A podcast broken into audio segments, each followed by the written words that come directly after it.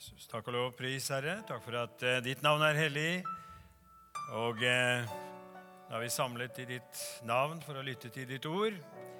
Du er her og vil velsigne og vil møte oss i Jesu navn. Amen. Vær så god og sitt ned. Fint å være her på en vakker solskinnsdag. Men det er vel sol resten av dagen også, forhåpentligvis ute, så dere får nyte den etterpå. Fint å være med og be for en lille Henry, som er ny i livet, fersk i livet. Fint å synge sangene, og ikke minst den aller første sangen vi sang. 'Navnet Jesus blekner aldri'. Den sangen fylte 100 år i januar. Og eh, for så vidt navnet Jesus og Jesus som vi er samlet om han er, eh, Navnet hans har vært kjent i 2000 år. Det er, det er store perspektiver i, når vi er inne i, i en forsamling. Både et helt nytt liv som har fremtiden foran seg, og det, i dette store bildet. Vi er kommet til denne siste delen da, av eh, denne serien om eh, det største budet, eller det store budet som Jesus eh, gav nytt innhold på mange måter, som vi finner fra Det gamle testamentet. Og Vi leser det slik det står i Lukas det 10. kapittel, vers 27. Du skal elske Herren din Gud av hele ditt hjerte, av hele din sjel og av all din kraft og av all din forstand og din neste som deg selv. Og Temaet i dag er altså 'elske seg selv'. Hva er dette? Er det tema på linje med moderne selvhjelpslitteratur av den litt tvilsomme sorten? Som i sin ytterste konsekvens kalles narsissisme. Narkissos er en ung mann i den greske mytologien som ved synet av sitt eget speilbilde ble så betatt av sin skjønnhet at han gikk til grunne. Han døde. Han greide ikke å rive seg løs. Så Narkisos har da gitt navn til dette som man innenfor psykologien kaller for en sykelig eller skadelig selvdyrkelse. Men vi skjønner jo med en gang, vi leser det Jesus sa, og dette gamle budet fra Det gamle testamentet, at det er snakk om noe helt annet. Og det finnes jo et viktig balansepunkt i denne teksten. Du skal elske din neste som deg selv. Mange unge, unge i dag, ja kanskje andre også, kjenner på en betydelig grad av kroppspress. En sykelig opptatthet av utseende. Paulus han åpner for et kroppsmangfold når han skriver til menigheten i Korint. For kroppen består ikke av én kroppsdel, men av mange. Og nå, om når foten sier 'fordi jeg ikke er hånd, hører jeg ikke med til kroppen', så er den like fullt en del av den. Om øret sier 'fordi jeg ikke er øye, hører jeg ikke med til kroppen', så er det like fullt en del av den. Hvis hele kroppen var øye, hvor ble det da av hørselen? Hvis det hele var hørsel, hvor ble det da av luktesansen? Men nå har Gud gitt hvert enkelt lem sin plass på kroppen, slik han ville ha det. Hvis det hele var én kroppsdel, hvor ble det da kroppen? Men nå er det mange kroppsdeler, men bare én kropp. Øyet kan ikke si til hånden 'Jeg trenger deg ikke', eller hodet til føttene 'Jeg har ikke bruk for dere'. Her bruker Paulus bildet av vår egen kropp og snakker om det mangfoldet som faktisk fins bare innebygd i det litt for tunge legeme som står akkurat her nå, og ditt eget legeme, hva som er bygd sammen og gjør deg til den du er. Men han snakker selvfølgelig om en større kropp enn dette. Han snakker om menigheten, kirken, med mange, mange lemmer. Og så berører han noen farer som vi veldig lett kan komme inn i, og det er disse to. To utslag av kroppspress, kan vi si. da. Fordi, han sier, fordi, Noen sier 'fordi jeg ikke er'. Fordi jeg ikke er så bra som deg, hører jeg ikke til. Det er det vi kaller for komplekser. Men det motsatte er jo like ille. Fordi du ikke er som oss, så passer ikke du inn. Da blir det diskriminering. Utrolig at alt dette kommer inn i denne enkle teksten her med disse bildene. Men så utrolig befriende det er hvis vi greier å ta det inn, at vi verken skal sette oss selv utenfor eller sette andre utenfor. Men vi skal elske vår neste som oss selv. Begge disse eksemplene skaper jo tapere. Men når Jesus bruker dette eksempelet, så snakker han altså inn i en bestemt sammenheng. Samtalen i forkant er ganske interessant. For denne samtalen som, eh, hvor Jesus møter denne lovlærde, ender opp i noe veldig spennende. Den lovkyndige hadde først sagt stod, altså En lovkyndig, en av ekspertene, han var teolog. Han hadde peiling, studert Skriftene. Så ville han sette Jesus på prøve. Mester, sa han, hva skal jeg gjøre for å arve evig liv? Hva står skrevet i loven, sier Jesus. Hvordan leser du? Og det er da han siterer dette budet. Elske Gud over alle ting, elske sin neste som seg selv. Ja, gå bort og gjør det, da, sier Jesus. Og så sier den mannen, Hvem er min neste? Eller min nabo? Hvem i nabolaget er det jeg skal bry meg om? Hvem i eh, familien er det jeg skal ha spesielt ansvar for? Hvem er det jeg skal være fadder for? Og da forteller Jesus en av verdenshistoriens aller viktigste lignelser. Lignelsen som vi kaller Den barmhjertige samaritan. Det er en av de viktigste fortellinger som er skrevet eller sagt og vandret gjennom disse 2000 årene. det er faktisk. Idéhistoriker Trond Berg Eriksen spør i en artikkel som jeg leste Hvorfor tar vi vare på de syke i et samfunn som ellers bare bruker og kaster? Hvorfor lar sykehusvesenet utslitte kropper få en ny sjanse?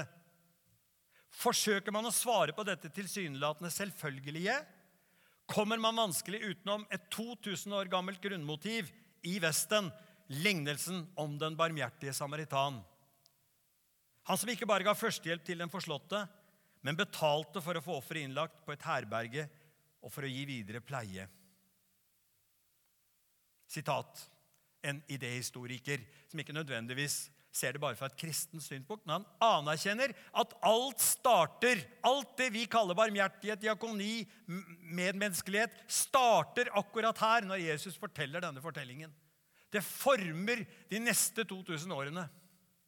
Og så fortsetter han og sier romerne på Jesu tid hadde ingen barmhjertighetsmoral. Så Jesu fortelling er altså helt revolusjonerende. Det var Oldkirkens forsøk på å leve ut denne Jesusfortellingen som ga opphav til sykehusvesenet. Så revolusjonerende er det Jesus sier her. Det er svaret Jesus gir når denne mannen spør 'Hvem er min neste?' Men så vrir Jesus på spørsmålet.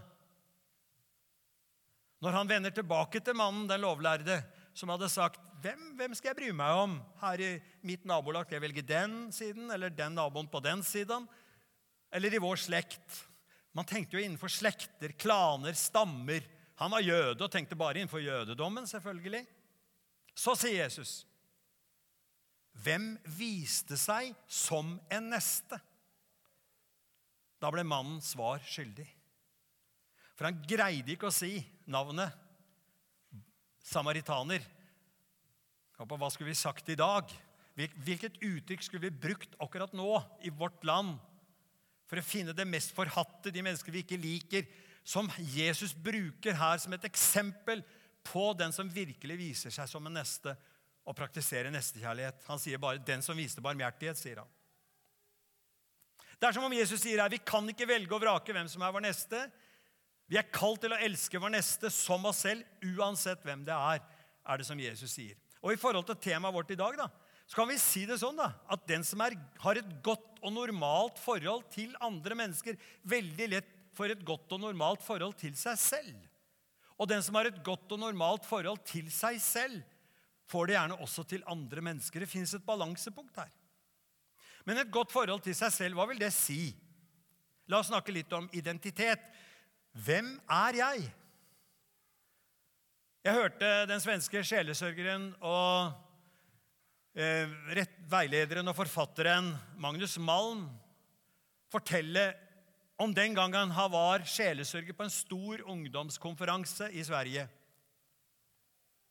Og Mange kom fram og står i køen og vil snakke med sjelesørgeren med sine behov for at han skal be for dem. Og Det temaet som gikk igjen blant disse ungdommene, var følgende Jeg vet ikke hvem jeg er. Unge mennesker som har vokst opp i noen av verdens mest privilegerte land, med alle muligheter, har en indre tomhet. Har ingen holdepunkter, uten forankring, ingen røtter. Kan velge alt, men når alt er likegyldig, da blir det til slutt likegyldig.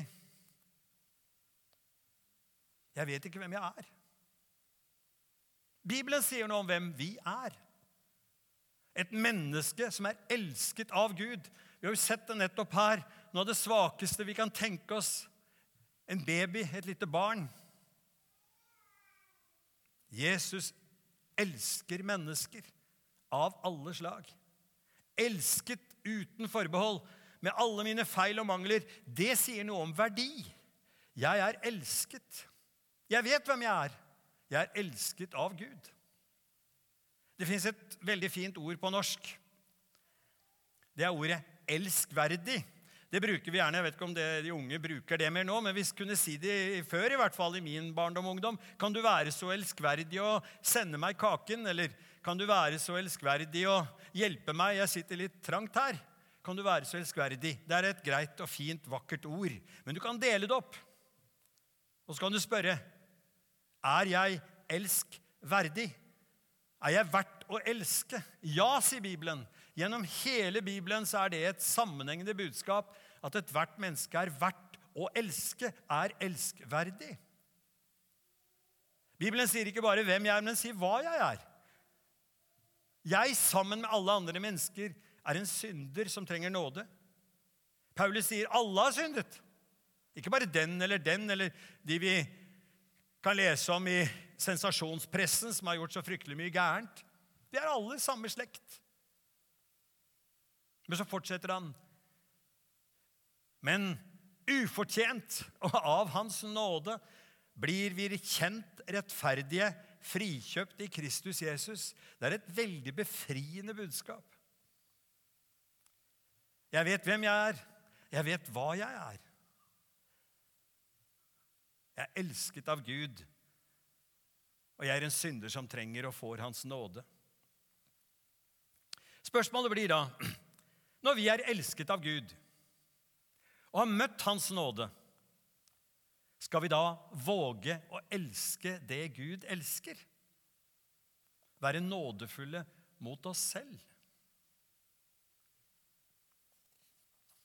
Jeg åpnet med å nevne den selvdyrkende Narkissos.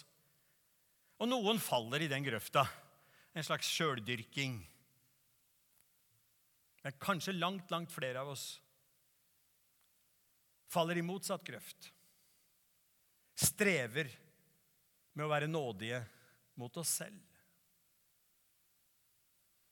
Det er så mye selvbebreidelser og, og så mye destruktive tanker. Og selv folk som kan ha høy selvtillit. 'Jeg får til noe. Jeg kan snekre.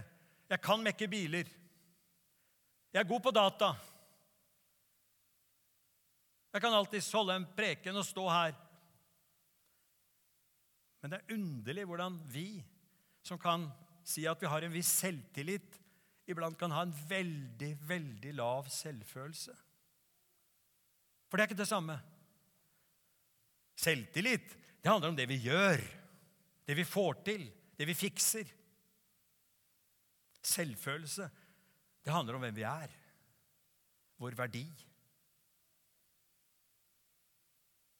Og sammen når de to smelter sammen, så blir det et selvbilde. Hvem er jeg? Hvem er du?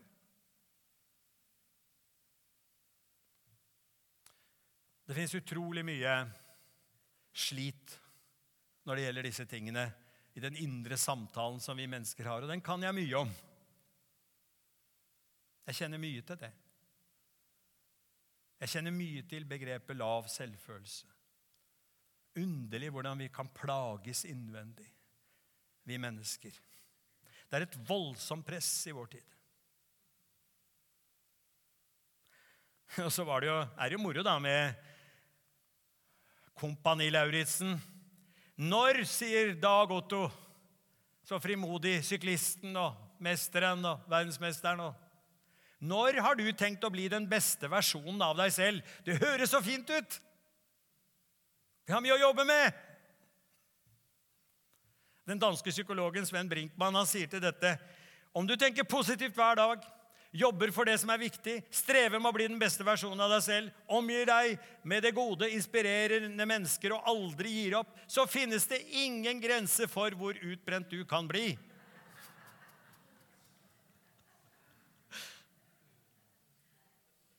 Ja da. Elsk de neste som deg selv kan bli et krav og et kav om å prestere Behovene er grenseløse.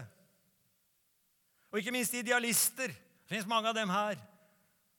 I barnekirke og i menighetsarbeid og i menighetspleie og i besøkstjeneste og i alt dette som kirke er. Så er det frivillighet og idealister som står på.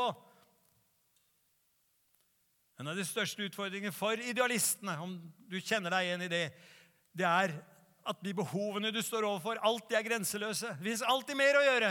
Det fins alltid flere å elske. Og så er det et faktum at i det grenseløse så har du egne grenser. Du er begrenset. Du får ikke gjort alt. Og så kan det slå tilbake på utslitthet. Det er bare brennende mennesker som kan bli utbrent.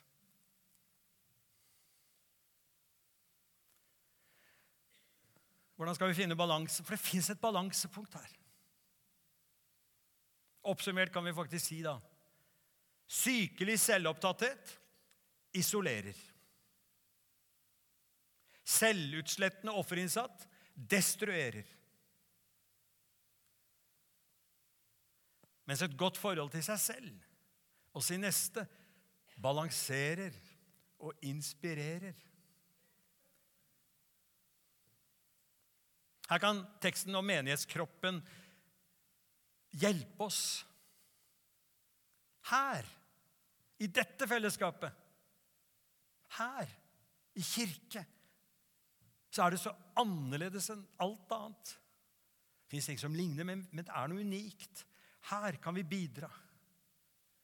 Vi kommer som syndere, vi kommer som hjelpeløse.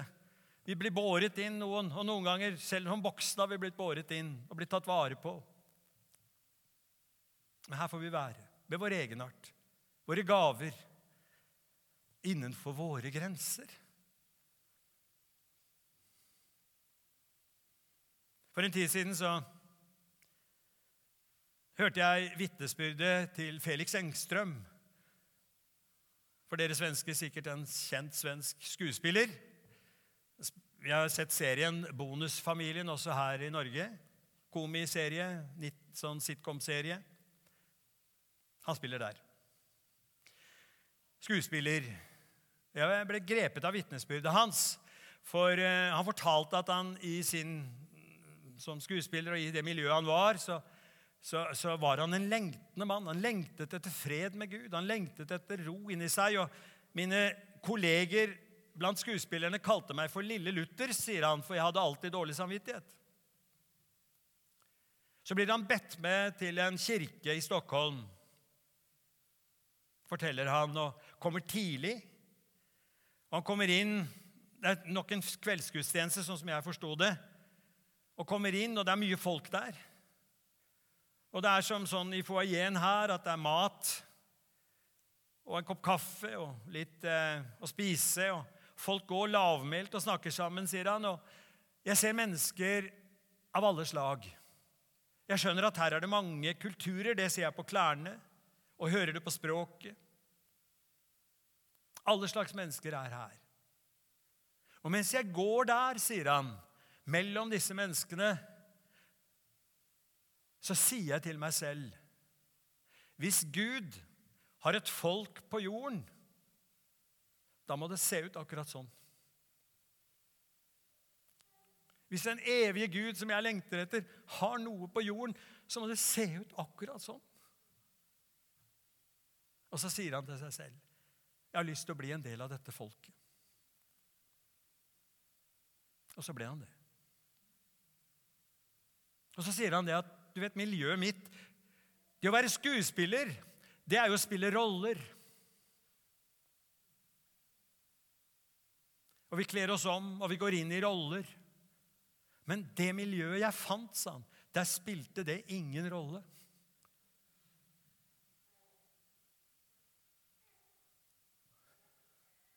Tenk om det alltid var sånn, dere, at kirke var sånn, at vi var sånne steder. Hvor folk bare kommer inn og sier åh, her kan jeg puste ut. Her kan jeg være meg selv. Her kan jeg faktisk elske meg selv. Her kan jeg finne meg til rette i dette mangfoldet. Narkisso, som vi hørte, han hadde sitt eget speilbilde som han beundret. Han så og beundret og var fengslet og kom seg ikke fri og døde av det. Det fins et annet speilbilde som vi kan betrakte. Og Det er det vi gjør når vi er samlet og synger. Vi går inn i dette miljøet her, inn i denne sammenhengen her, hvor vi synger for vårt indre. Tekster om Jesus og leser og hører. Det var mor Teresa som fikk dette spørsmålet. Hvordan orker dere? Hvordan orker dere dette livet? For de levde virkelig for sin neste. Spurte aldri hvem det var. Da svarer hun Vi begynner dagen med å se på ikonet av ham som sier 'jeg tørster'. Deretter går vi ut og gir ham å drikke. Tenk så enkelt. Og så vanskelig. Og så enkelt er det å finne seg selv i et kjærlighetsforhold til vår neste.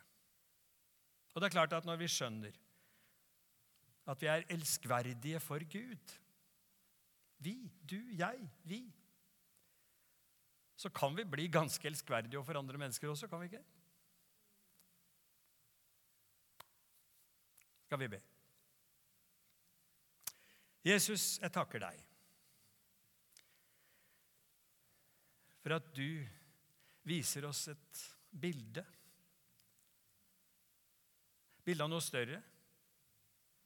Ville han noe vakrere. Noe bestandig, noe varig. Her hvor vi går rundt, Herre Jesus, med dårlige bilder av oss selv. Hvor vi iblant kan si 'jeg passer ikke inn'. Eller vi til og med kan gå rundt med dårlige bilder av andre og sier 'du passer slett ikke inn'. Skal vi finne dette balansepunktet, Herre, i deg. Dette slektskapet med, med mennesker som du elsker. Takk, Jesus, at alt som er fælt og alt som er negativt for oss, det er egentlig positivt for deg. Du elsker jo våre feil og mangler, for det er det er da du får gjort noe med oss. Tenk om vi kunne forstå det, Herre, hvor elskverdige vi er. Takke deg, Herre, for at eh, du skal hjelpe oss til ikke å gå i den andre grøfta, så vi blir altfor selvopptatte. Men at vi kan finne dette balansepunktet, dette velgjørende balansepunktet. At det er med mine gaver mine unike gaver og i fellesskap med de andre. Og dette at vi er satt sammen i dette fellesskapet som kirke er. At vi kan få falle på plass som en brikke i et puslespill. Som et lem på din kropp. Kjenne at vi puster friere. Ja, endelig bli frie, for vi får være og gjøre og bringe inn i fellesskapet det vi, den enkelte av oss, er. Velsign evangeliehuset, dette unike fellesskapet her. Alle som er en del av dette, uansett hvor de er i dag. Men velsign denne forsamlingen som er her akkurat nå. Når vi går herifra, Herre, At vi kan ta med oss noe av dette i våre hjerter. Åpenbar det for ved din ånd, Herre, hvem vi egentlig er i deg. At vi kan være i denne treklangen. Elske deg over alle ting. Ja, for du fortjener det. Elske vår neste som oss selv. Amen.